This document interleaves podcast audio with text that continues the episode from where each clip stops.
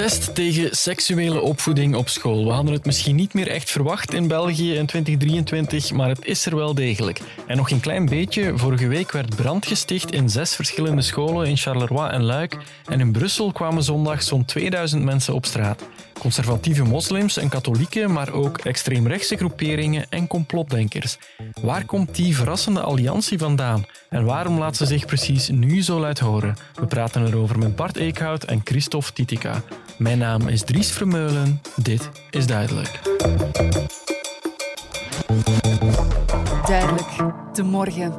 En vrai, je pète un câble. Mon fils, il rentre de l'école, je lui demande comment ça s'est passé. Là, tout de suite, il pleure. Je lui ai dit qu'est-ce qu'il y a? Honnêtement, je me suis dit, c'est rien de bien grave, une petite histoire de harcèlement. Mais je suis très complice avec mon fils. Recevoir des cours était sur le mode je ne veux pas entendre, euh, et ainsi de suite. Donc vous voyez une forme de, de traumatisme. À tout le monde, il y a un choc. Réveillez-vous, patriotes. Ne laissons pas, mais ne laissons pas vivre ça à nos enfants. Si un jour, il y a un cours de sexualité dans vos écoles, vous pourrez porter plainte directement au pénal, le directeur...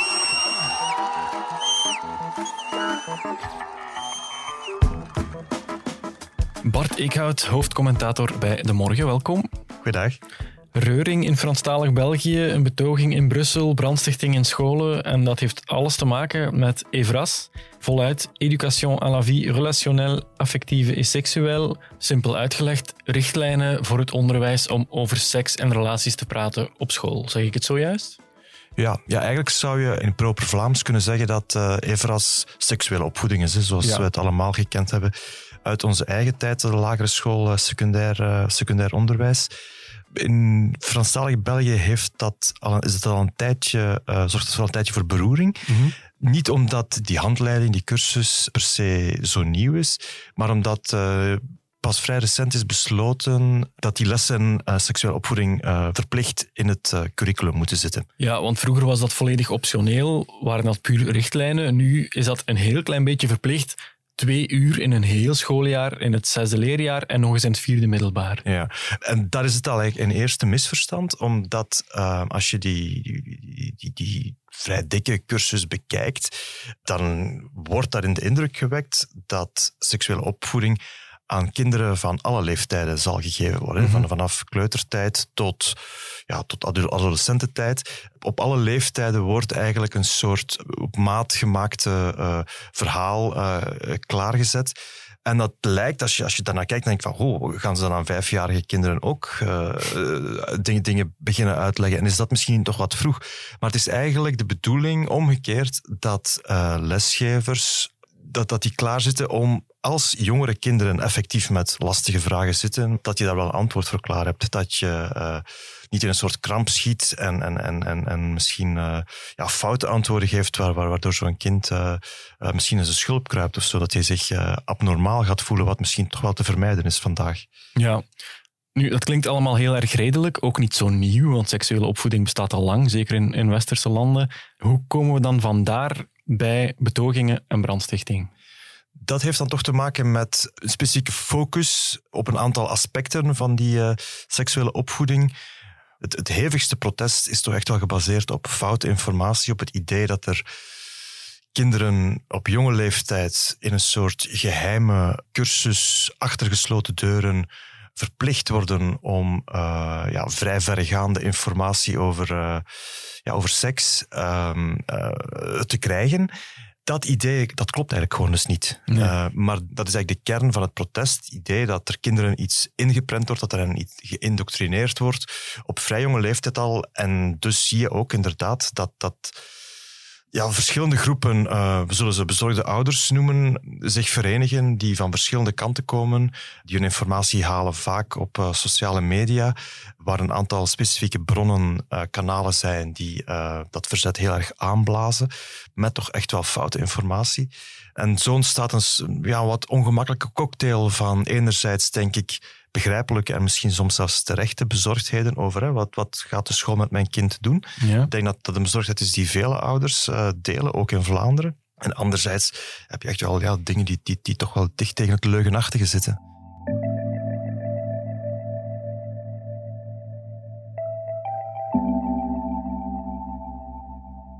Je viens de tomber sur une vidéo où il y a un papa qui raconte que son gamin est rentré en pleurs de l'école parce qu'on l'avait obligé de se mettre tout nu et, de, et dans une pièce avec une gamine et de découvrir le sexe de l'autre en mettant les doigts dans le sexe de la gamine. Il a été minu devant toute sa classe. Le prof lui a demandé de toucher une autre fille de sa classe. Les éducateurs pédagogiques lui ont demandé de toucher le sexe de la petite fille, d'essayer de lui rentrer un doigt, etc.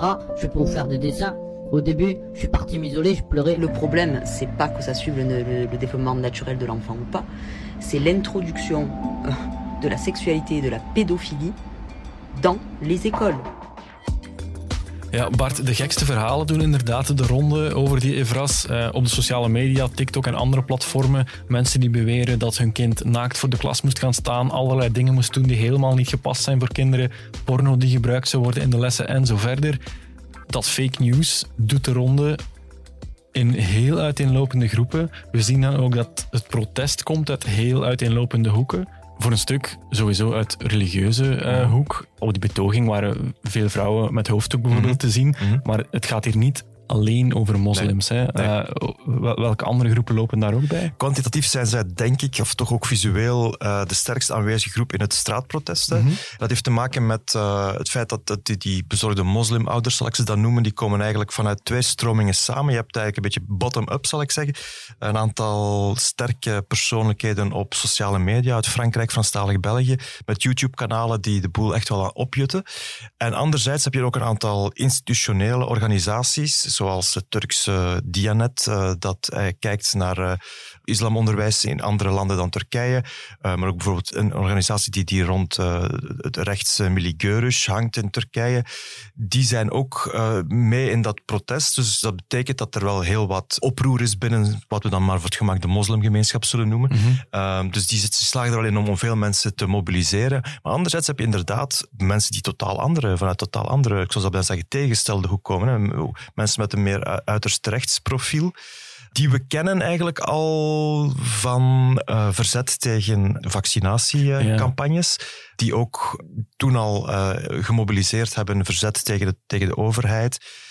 En dan kom je heel snel in het konijnenhol van de complottheorie terecht. En dan krijg je wel inderdaad verregaande stellingnames over eh, dat er eigenlijk geheime plannen zijn om van alle kinderen, om hun geslachten te veranderen, om eh, kinderen aan te, aan te zetten tot pedoseksualiteit.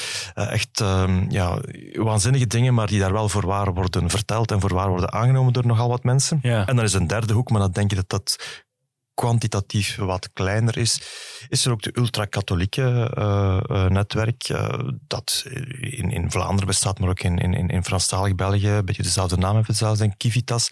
En dan zit je ook een beetje in die rechtsconservatieve, uiterst rechtsconservatieve hoek. Dus die drie groepen samen vormen eigenlijk een soort... eh, dat, dat, is, dat is eigenlijk, zal ik maar zeggen, het radicale front van, eh, van het verzet. Ja, en dan zien we nu toch wel zeer dichtbij dat dat fake news op de sociale media, waar we toch al een aantal jaren over palaveren, dat dat helemaal niet zo onschadelijk is. Hè. Er zijn gevolgen in de reële wereld. Scholen worden in brand gestoken. als dit nu één keertje was gebeurd, dan zou je kunnen zeggen, ja, ehm, oké, er zat te veel druk op de fles en het is er een keer uitgespoten.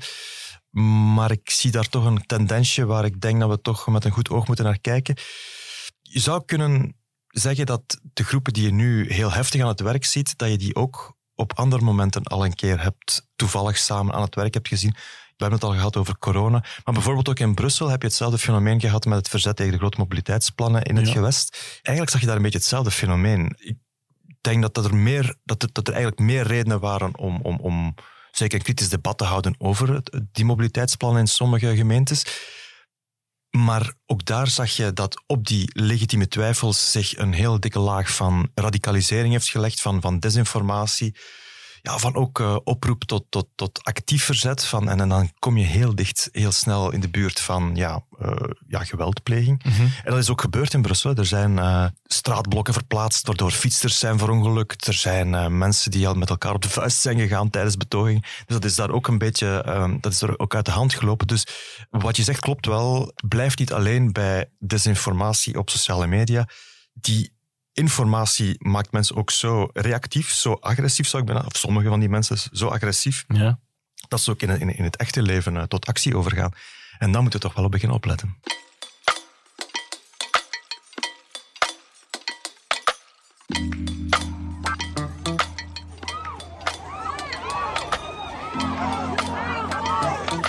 Op duizenden basisscholen in heel Nederland worden kinderen vanaf vier jaar oud door volwassenen aangespoord om na te denken over geslachtsverandering, anale seks, trio's en drag queens. Why should my child, before he's actually learned about the, about how he came into the world, be already be taught that he could possibly have two mums or two? But is he being it's taught not that- true. but he it's hasn't. not honest.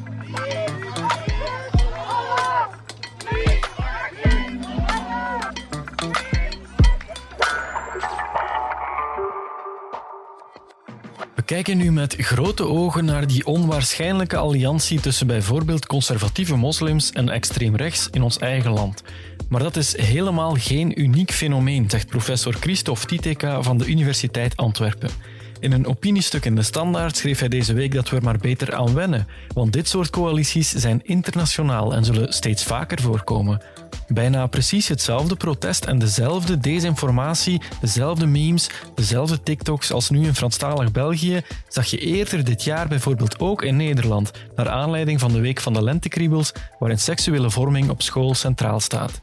En in de VS kwamen de conservatieve republikeinse Moms of Liberty samen op straat met moslimas tegen LGBT-vriendelijke maatregelen op school. En wie goed heeft opgelet, die zag dat al jaren aankomen. Die seksuele opvoeding, in het Engels heet dat Comprehensive Sexual Education, CSE, en daar is al jarenlang een protestbeweging tegen eh, aan, aan de gang. En dat protest moet vooral gesitueerd worden in een ecosysteem dat zich in de VS afspeelt. En dat is een ecosysteem van vooral religieus rechts. En binnen dat religieus rechts heb je vooral evangelische christenen, maar ook mormonen en ja, andere christelijke, katholieke, protestantse eh, strekkingen. En zij zijn al jarenlang actief voor wat zij noemen de bescherming van de familie. En veel van die organisaties hebben ook namen die verwijzen naar de familie. Je hebt bijvoorbeeld Family Watch International, um, the World Confederation of Families, CFAM, the Center for Family, en, enzovoort. En dat zijn allemaal organisaties die al geruime tijd bestaan en die, wel, ze noemen het de bescherming van de familie, maar onder dat pakket valt het aanvallen van LGBT-rechten, abortus tegengaan, seksuele, comprehensive sexual education tegengaan, en, enzovoort en zo verder. Dus seksuele voorlichting maakt daar deel van uit, maar is heel nauw verbonden met al die andere aspecten. En je zag dat ook nu, bijvoorbeeld in die betoging in Brussel, het ging niet enkel over seksuele voorlichting. Seksuele voorlichting was een beginpunt of was een deel van een heel pakket andere dingen waarvoor gevreesd werd. Een complot van de LGBT-gemeenschap enzovoort. De wortels van dit protest zijn te zoeken bij onder meer streng religieuze groeperingen in de VS, zegt professor Titeka, die al minstens sinds de jaren 90 rondom de VN lobbyen om de uitbreiding van seksuele en reproductieve rechten te bestrijden. Zo ontstonden doorheen de jaren internationale allianties, zoals bijvoorbeeld Family Watch International, een ultraconservatieve mormoonse organisatie die campagne voert tegen holyberechten en tegen abortus. Heel interessant, maar mijlenver van het bed van bezorgde ouders in Brussel, toch? Of niet? Die allianties die landen ook uh, in Europa. Om één voorbeeld te geven. In Spanje en Italië uh, had je ultra-rechtse, ultra-katholieke organisaties. En die hadden een online platform opgezet dat heette Citizen Go. En dat had als voornaamste doel opnieuw om de tussen aanhalingstekens familie te beschermen, wat in realiteit betekende uh, anti-holibi, um, anti-abortus uh, en, enzovoort. Nu, Wikileaks-documenten hebben bijvoorbeeld een tweetal jaar terug aangetoond dat die organisaties en dat platform dat dat werd gefinancierd door Russische oligarchen die dicht bij Poetin staan. Diezelfde Russische oligarchen die een belangrijke rol spelen bij die Amerikaanse evangelische organisaties. En diezelfde platformen die werden ook gebruikt in Afrikaanse landen als Ghana of Kenia om uh, in Ghana um, strenge anti-homo-wetten te introduceren en in Kenia het abortusrecht verder in te, perken. Maar om dus nu terug te gaan naar Brussel, daar is geen directe link, maar je zit wel met een internationaal of een globaal klimaat waar die zogenaamde culture war uh, steeds intenser wordt. Dus die polarisering, diversifiering, fragmentering en de rol van sociale media hierin. Dus door een wereldwijd klimaat van versnippering, polarisatie en de kracht van sociale media verspreidt dit gedachtegoed zich over de hele wereld en landt het dus ook in Brussel. Professor Titica is daarin niet heel optimistisch. De tegenstellingen zullen volgens hem alleen nog groter worden en ook bij ons in Vlaanderen moeten we ons hoeden voor de gevolgen daarvan. Je ziet globaal en geopolitiek steeds grotere verschillen over dergelijke cultureel-maatschappelijke waarden. En seksualiteit speelt daar een heel belangrijke rol in.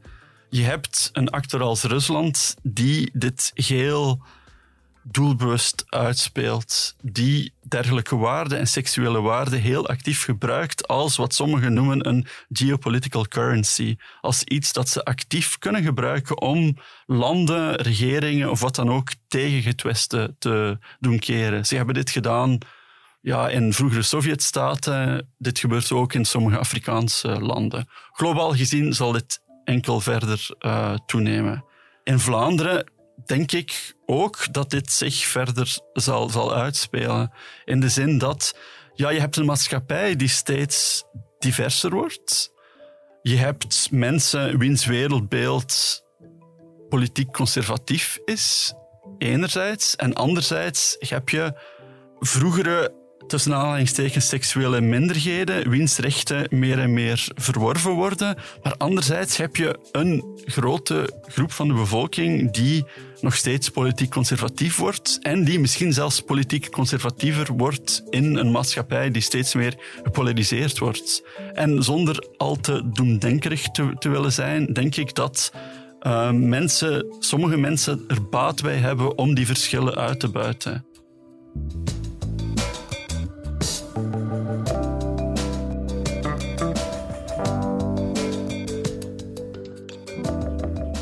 Bart, nog één ding waarover ik het met jou even wil hebben. Het kwam vorige week ook al even ter sprake in deze podcast. Toen hadden we het over Dries van Langenhoven. Er wordt heel veel moeite gedaan in bepaalde kringen om een link te leggen tussen bijvoorbeeld LGBTQ en pyrofilie. Dat hoor je de laatste tijd heel erg vaak. Het gebeurt mhm. nu ook weer. Mensen die zeggen, uh, die Evras haalt pyrofilie binnen in de klas. Waar komt dat vandaan, die gekke associatie? Eigenlijk is het de, de comeback van een uh, zeer oude en foute associatie tussen homofilie, om het uh, maar eens met het oude woord te zeggen, ja. en uh, pedofilie. Iets wat je ook ergens hoort rondzweven in, in de gesprekken over de, het onderzoek naar, naar wat er in, in die groep rond Sven Pichal is gebeurd. Hè. Ja. Daar zie je diezelfde oude ja, versteende angsten terugkeren, terwijl dat eigenlijk op vrij weinig gebaseerd is. Um, op, op niks eigenlijk. Uh, en, en, en decennia van vooruitgang in het aanvaarden van gelijke rechten voor mensen uh, met een, een, een, homoseksuele geaardheid, die we nu iets breder vatten in die LGBTQ-term. Uh, die, die decennia van vooruitgang, daar lijkt de laatste jaren wel een beetje een rem op gezet. Omdat, uh, ja, sommige mensen het gevoel hebben dat ze niet meer helemaal kunnen volgen. Ja. Um, dat het allemaal wel heel erg snel gaat. Dat dingen worden opgedrongen. Wat natuurlijk, uh, ja, natuurlijk helemaal niet waar is. Hè. Het is niet omdat uh, iemand anders eindelijk de vrijheid krijgt om, om, om te zijn wie hij is, of, of hij, zij, hun is, dat jouw eigen uh, vrijheid per se schaadt. Maar dat is natuurlijk wel soms een, een lastige verhouding. Maar dat hoort denk ik wel een beetje bij, bij, bij samenleven. Ik zal er voorlopig niet te veel uh, mij zorgen over maken. Ik heb niet het gevoel dat er echt uh, een tendens is om bij ons in onze samenleving stappen achteruit te zetten, om echt te gaan knippen in rechten van bepaalde mensen. Maar je moet niet veel verder gaan dan, dan, dan Polen of Hongarije om te zien dat dat wel gebeurt. En dan als het daar gebeurt, dan is het niet helemaal uitgesloten dat het, uh, ook Italië trouwens uh, ondertussen, dat, dat is niet helemaal uitgesloten dat het op een dag ook hier gebeurt als de politieke meerderheden nog wat kantelen. Nee, en ook dat vreemde samenspel waar we het nu over hebben gehad, over van die extreemrechtse groeperingen, complotdenkers, extreem religieuze, ja, dat is iets dat niet lijkt te verminderen, misschien zich nog meer zal manifesteren, ook op andere thema's dan dit. Ja, en daar zit ik wel een beetje ook als uh, politiek uh, geïnteresseerd uh, journalist naar te kijken. Het is eigenlijk van de gekke dat je een betoging hebt met enerzijds ja, toch vrij orthodoxe moslimgroeperingen en anderzijds ja, mensen van uiterst rechts, of die toch heel dicht bij uiterst rechts aanleunen. Uh, en die eigenlijk op alle andere dagen van de week elkaar, uh, ik zal niet zeggen naar het, naar het leven staan, ja. maar toch uh, lijnrecht tegenover elkaar staan. Hè. Daar ben ik wel eens benieuwd naar of die gedeelde waarden, zal ik het dan noemen, die gedeelde ultraconservatieve waarden, hè, welke plaats geeft, uh, hebben vrouwen in een gezin, welke plaats hebben kinderen in het gezin, uh, hoe, hoe, gaan we om met mondigheid van, van, van, van jonge mensen. Laten we zeggen dat, dat, dat die ultraconservatieve groeperingen, of ze nu uh, uit islam komen, of ze komen uit katholieke netwerken, of ze komen uit zelfs heel erg areligieuze netwerken, die delen wel die, die conservatieve kijk die gedeelde waarden, of dat een voldoende uh, band is om ook echt politiek samen te gaan optrekken. Want dan zou je wel heel rare dingen kunnen krijgen. Ja, je bedoelt dat die echt uh, gaan deelnemen aan uh, de democratie dan? Nee, dan zou je kunnen krijgen dat uh, bijvoorbeeld ja, moslims in, op, op, structurele wijze ook voor uiterst rechts gaan stemmen. Bijvoorbeeld. Ja. of, of, en dat is iets... Dat is een, een, een, een, een voorlopig nog zeer hypothetische vraag, maar waar ik wel, ja, waar ik wel eens over wil nadenken.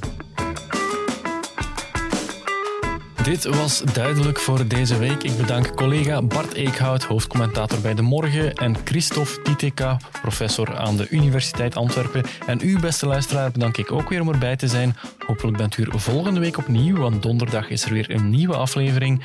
In de tussentijd kunt u ons altijd bereiken via podcasts.demorgen.be. Heel graag tot volgende week. Dit was duidelijk. Duidelijk, de morgen.